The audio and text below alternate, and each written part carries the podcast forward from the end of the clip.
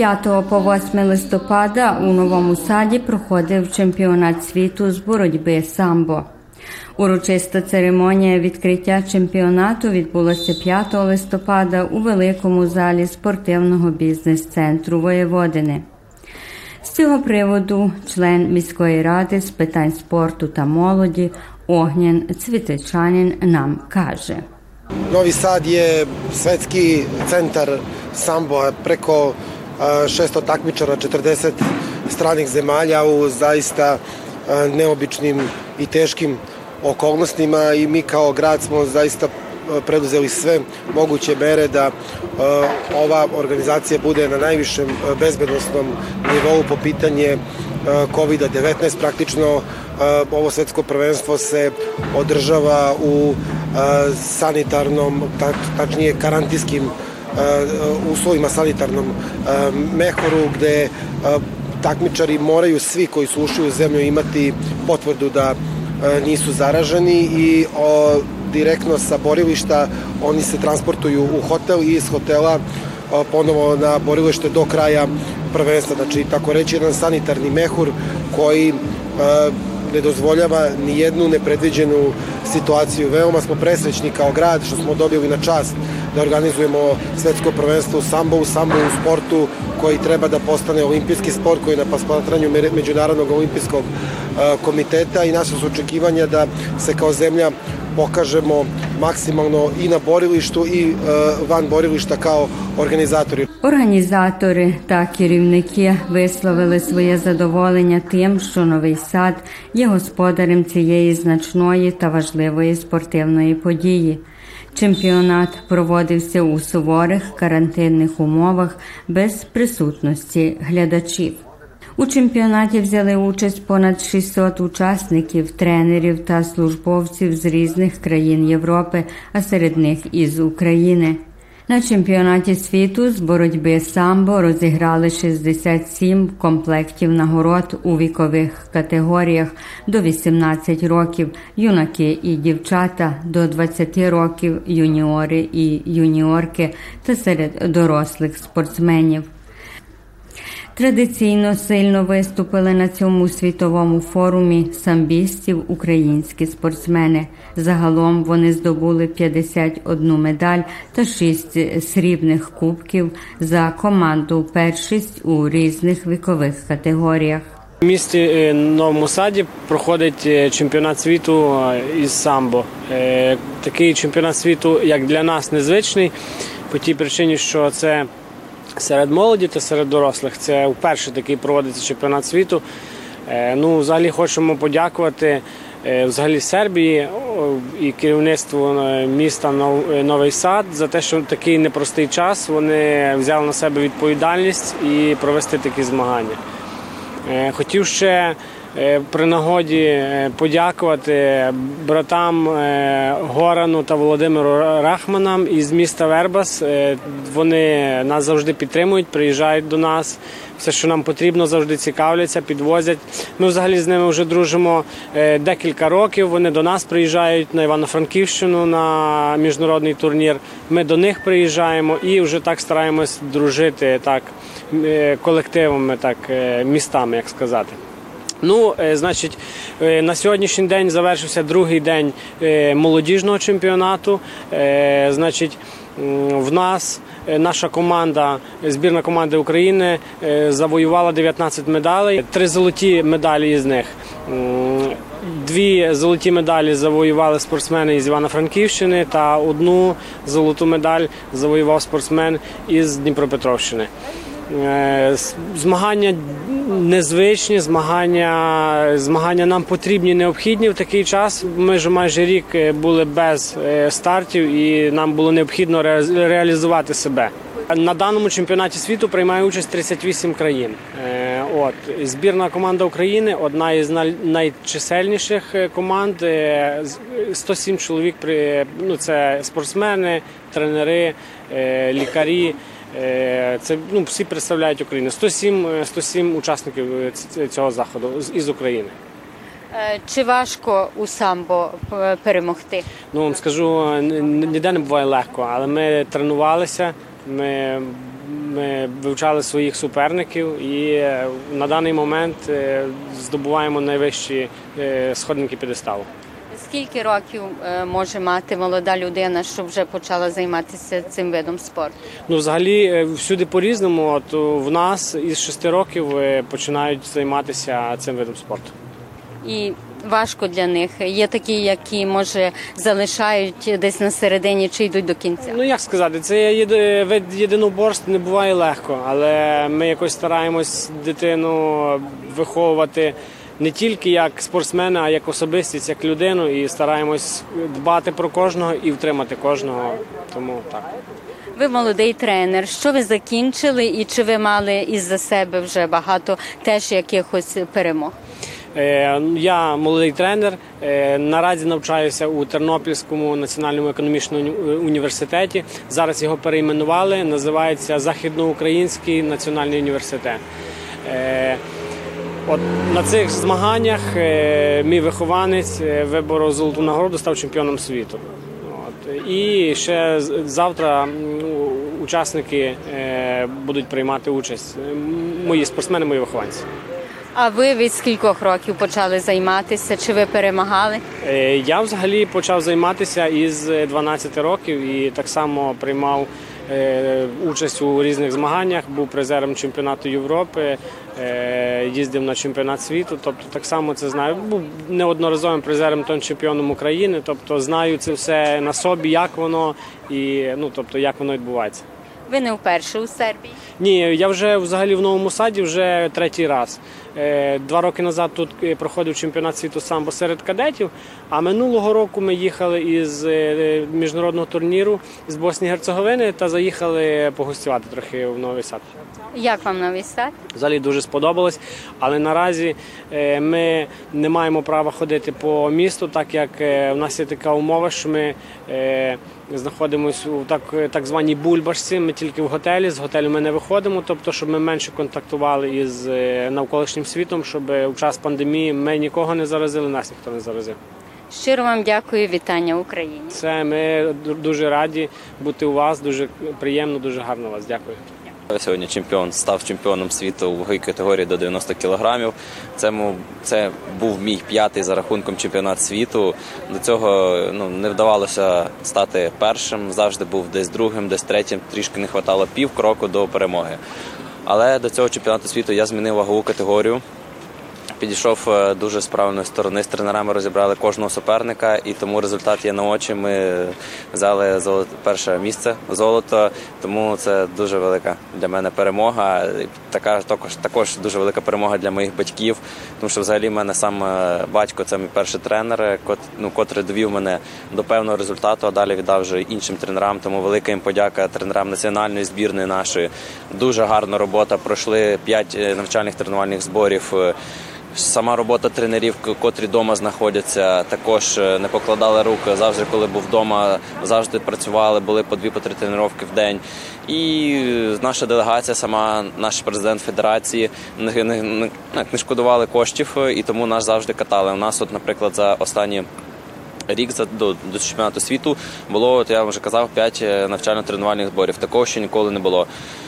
Тому на даний момент е, наша країна, Україна, дуже чудово виступає на цьому чемпіонаті світу. Тому є вже три золоті нагороди. Це дуже добре. Делегація нами довольна. Саме найголовніше, що тренера, та й ми також.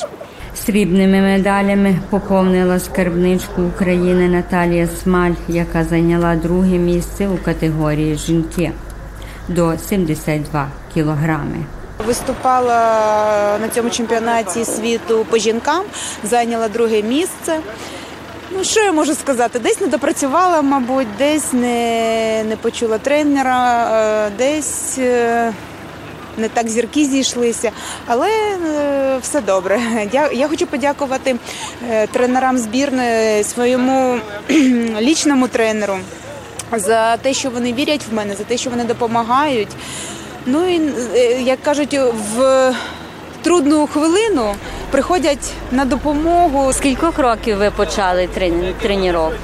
Ви знаєте, я вже в мабуть в великому спорті 20 років. Е, Почала я тренуватися з 16 років.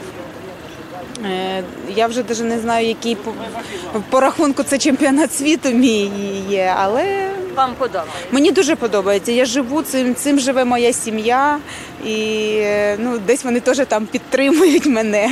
А ви перший раз у Сербії? Е, ні, я вже четвертий. Як десь. Е, ну, на жаль, е, с- склалася така ситуація, що е, це місто ми не можемо побачити, але ну, дивлячись в інтернеті, е, воно є гарним і дуже багато тут е, місць, яких би хотілося побачити. А так, взагалі, ми, б, ну, я була в Белграді, то мені подобається.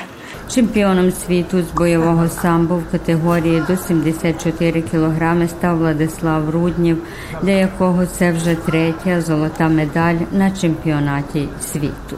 Сьогодні виступав е, в весовій категорії 74 кілограми, е, бойовий розділ і зайняв перше місце. Це е, мій батько, е, мій тренер, який е, воспитав в мені трьохкратного чемпіона світу. Е, і це було е, три подряд року у 2018, 2019 і 2020 році. Е, Ви давно займаєтесь цим спортом? Так, приблизно вже років 7-8.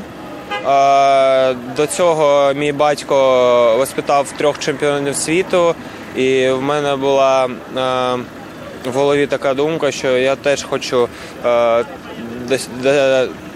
досягнути такого результату і ще краще вийшло, що я став трьохкратним чемпіоном світу. Е, Ви вперше у Сербії?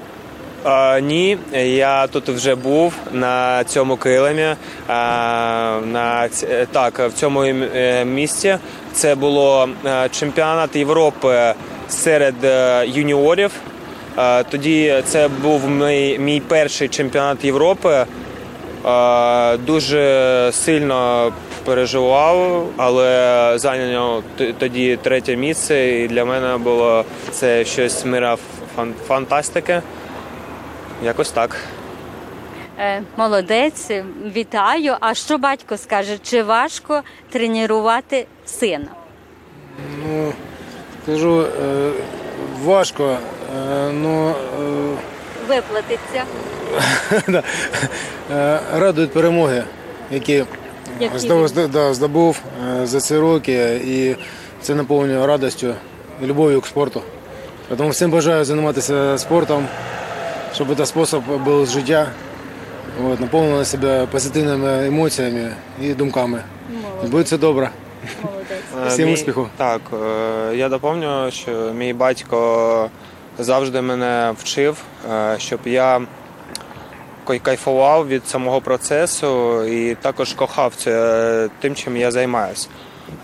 Я почав свою спортивну кар'єру з дзюдо, де був майстром спорту. Потім перейшов в самбо, де теж був двократним призером чемпіонату Європи, двократним призером чемпіонату світу і також являюся чемпіо... е, майстром спорту. Але моє кохання було, звісно, е, що е, до бойового самбо. Так що я дуже вдячний, дуже дуже вдячний своєму батьку, що у мене є такий біля мене такий чоловік, який зміг з мене зробити ось це. Українські спортсмени у Сербії не вперше минулими роками нав'язана тісна співпраця з українською діаспорою з Вербасу. Існує ініціатива, щоб українське місто Івано-Франківськ стало побратимом із містом Вербасу. Ми вже декілька разів побували на у новому саді, і у нас вже тут є друзі. Ми вже е, знайомі із українською діаспорою. І от, е, скажімо, наші знайомі, які живуть в місті Вербас, вони до нас часто приїжджають на Україну на наші змагання. І коли ми сюди приїжджаємо, вони нас дуже гарно приймають. Ми е, цей раз приїхали вже не з порожніми руками. Ми привезли їм подяки за те, що вони підтримують нас на змаганнях, підтримують нас у всьому. Того року ми, коли приїжджали, то у нас зустріч відбулася з українською діаспорою. Ми залишилися дуже задоволені. Наше керівництво е, на Україні з того міста, з якого я е, бажає познайомитися. Наш мер міста хоче познайомитися з вашим мером міста Вербас і хочуть зробити так, щоб наші міста були як міста побратими. Так, от і сьогодні в нас тут змагання вже йдуть другий день. На сьогоднішній день Україна відборолася юніорським віком на чемпіонаті світу, де ми вибороли командне друге місце по дівчатах і друге місце по юнаках. От і з нашого міста у нас і хлопчик з золотою нагородою, і дівчинка з золотою нагородою. Е, Ну, за бойове зараз Сергій скаже. У них сьогодні теж є золото, і видно, що робота провелася дуже, скажімо, кропітка, дуже велика робота. Дуже багато держава вклала в те, щоб спортсмени здобували тут зараз золоті нагороди, тому що всім, всім зараз нелегко, тому що такий час, що йде карантин, і тренуватися дуже важко в тих умовах, яких нам дають. Але тим не менше зуміли хлопці підготуватися і гарно виступили і порадували нас. І я думаю, Україну, яка дивилася телебачення, дивилася зараз цю трансляцію. І думаю, що всі отримали задоволення від того, як виходили наші спортсмени. Дуже хотів би подякувати і українській діаспорі, яка є в Сербії, і общині, е, і в місті Вербас, всім нашим друзям. Якщо можна, може вони будуть дивитися, то е, ну. Ми рахуємо їхні, їх дійсно нашими братами, братами не тільки того, що ми з України, а того, що вони дуже хороші люди, дуже гостинні. Так як нас вони приймали, нас так ще ніде не приймали. Надіюся, що їм буде приємно чути такі гарні слова. А що ви скажете? Так, дуже приємно, що е, ми знаходимося тут і ви до нас прийшли. Я не очікував, така діаспора тут мощна. Да? І ми, я думаю, порадували нашу діаспору, наших українців своїм сьогоднішнім результатом. Ну, з бойового розділу сьогодні три спортсмени приймали участь у змаганнях. Всі троє залишились з нагородами. Одне золото, срібло і бронзова нагорода. Ну, молодці. Результат, я вважаю, дуже високий і будемо старатися надалі ще краще. Як вам новий сад ще скажіть? Гарно, його не але бачили ми ж в умовах карантину. Ми бульбашці знаходимося ми знаходимося, що е, нам не дуже можна. гарній місцині, там Рибальський острів. Там дуже чисто, гарне, свіже повітря, дуже зручні там будинки, в яких ми живемо, ну, комфортні. Ну, прийняли нас дуже добре. Щиро дякую. Бажаю вам ще багато, багато успіхів і приїжджати до нового саду. Дякую, дякую. Обов'язково будемо приїжджати. Тут два брати, Горан і Володимир, це наші рідні брати. Ми їх вважаємо, що це наші українські брати, без яких ми на всіх змаганнях, де ми зустрічаємося, нема такого, щоб ми не обнялися, щоб ми один одного не привітали, щоб ми один одному не поважали, коли в когось якесь свято. Я знаю, що відбувається у Горана, що відбувається його близнюка брата Володимира. Вони знають, що в мене в сім'ї, як ми живемо, як ми готуємося. Тобто ми обмінюємося інформацією. І якщо нам вдасться ще наше керівництво здружити, щоб ми тоді не просто на змагання, а ще могли делегаціями приїжджати, відвідувати. Ми б дуже хотіли, щоб до нас приїхали на Західну Україну община і, чи діаспора, і щоб ви щоб ми мали теж можливість вас погостити, і щоб ви подивилися, що ми теж вміємо це робити. Наш мер, коли я уїжджав, і я е, керівництву своєму сказав, що е, ми їдемо сюди, а наш мер, він депутат Верховної Ради України. Він каже: одне мені передай всім нашим знайомим вітання і скажи, що ми хочемо дружити. Давайте вже якось знаходити спільну мову, знаходити час, хоч карантин, він розуміє, що зараз не так легко приїхати, але треба, можливо, він колись закінчиться цей карантин, щоб ми могли все-таки вже зустрічатися частіше. Ну а вашим людям хочу сказати, що займайтеся спортом. можливо, спортом, е, е, спортом не тільки е, щоб дітки маленькі займались, хоча це дуже потрібно робити, щоб відірвати їх від мобільних телефонів, від інтернетів, щоб діти розвивалися так, як наше покоління розвивалося. І ну і батьки, щоб вже не забували про те, що за здоров'ям треба слідкувати і треба рухатись. А рух це життя. А як ще зберегтися від пандемії? Я теж це хотів додати е, колеги своєму. Е, Якщо ви хочете зекономити на ліках, єдине це заняття спортом. Рухова активність завжди, ну якщо навіть там в умовах жорсткого карантину, завжди знайти час вийти на вулицю, провітрити добре приміщення. Е, Потрібно дихати свіжим повітрям. Обов'язково дихати свіжим повітрям і робити якесь навантаження, давати, щоб організм е, жив, функціонували всі органи, обмін, обміни. Це дуже важливо для того, щоб ніяка зараза не цепляла, щоб імунітет вироб- Був сильний. був сильний Вечірні імунітет. прогулянки. Так. Чоловік бере дружину, дітей і вечірні прогулянки по свіжому вині На вихідні і перед сном. Але невеликі зібрання, і маска, і Ні, так, так, так. І Це побільше обов'язково. позитиву, це, зараз побільше це обов'язково. позитиву. Ніякого негативу. та, ні в коєму случаю. не треба тим перейматися сильно. Треба ну, досвід треба мати, як від того берегтись. Але страху не треба наганяти, тому що страх нас більше вбиває, ніж та бацила, яка заходить у нас. Побільше позитиву. Посміхайтеся один одному, кохайте, будьте здорові всі. Добра і здоров'я всім нашим громадянам. Всім нашим українцям. Так.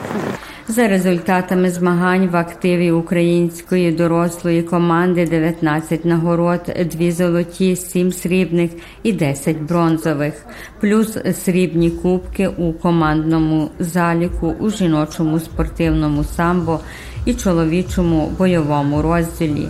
А в рейтингу спортивного самбо серед чоловіків четверте місце. Таким успішним був цей чемпіон світу для української команди. Gledate paletu. Izbor iz emisija na jezicima nacionalnih zajednica.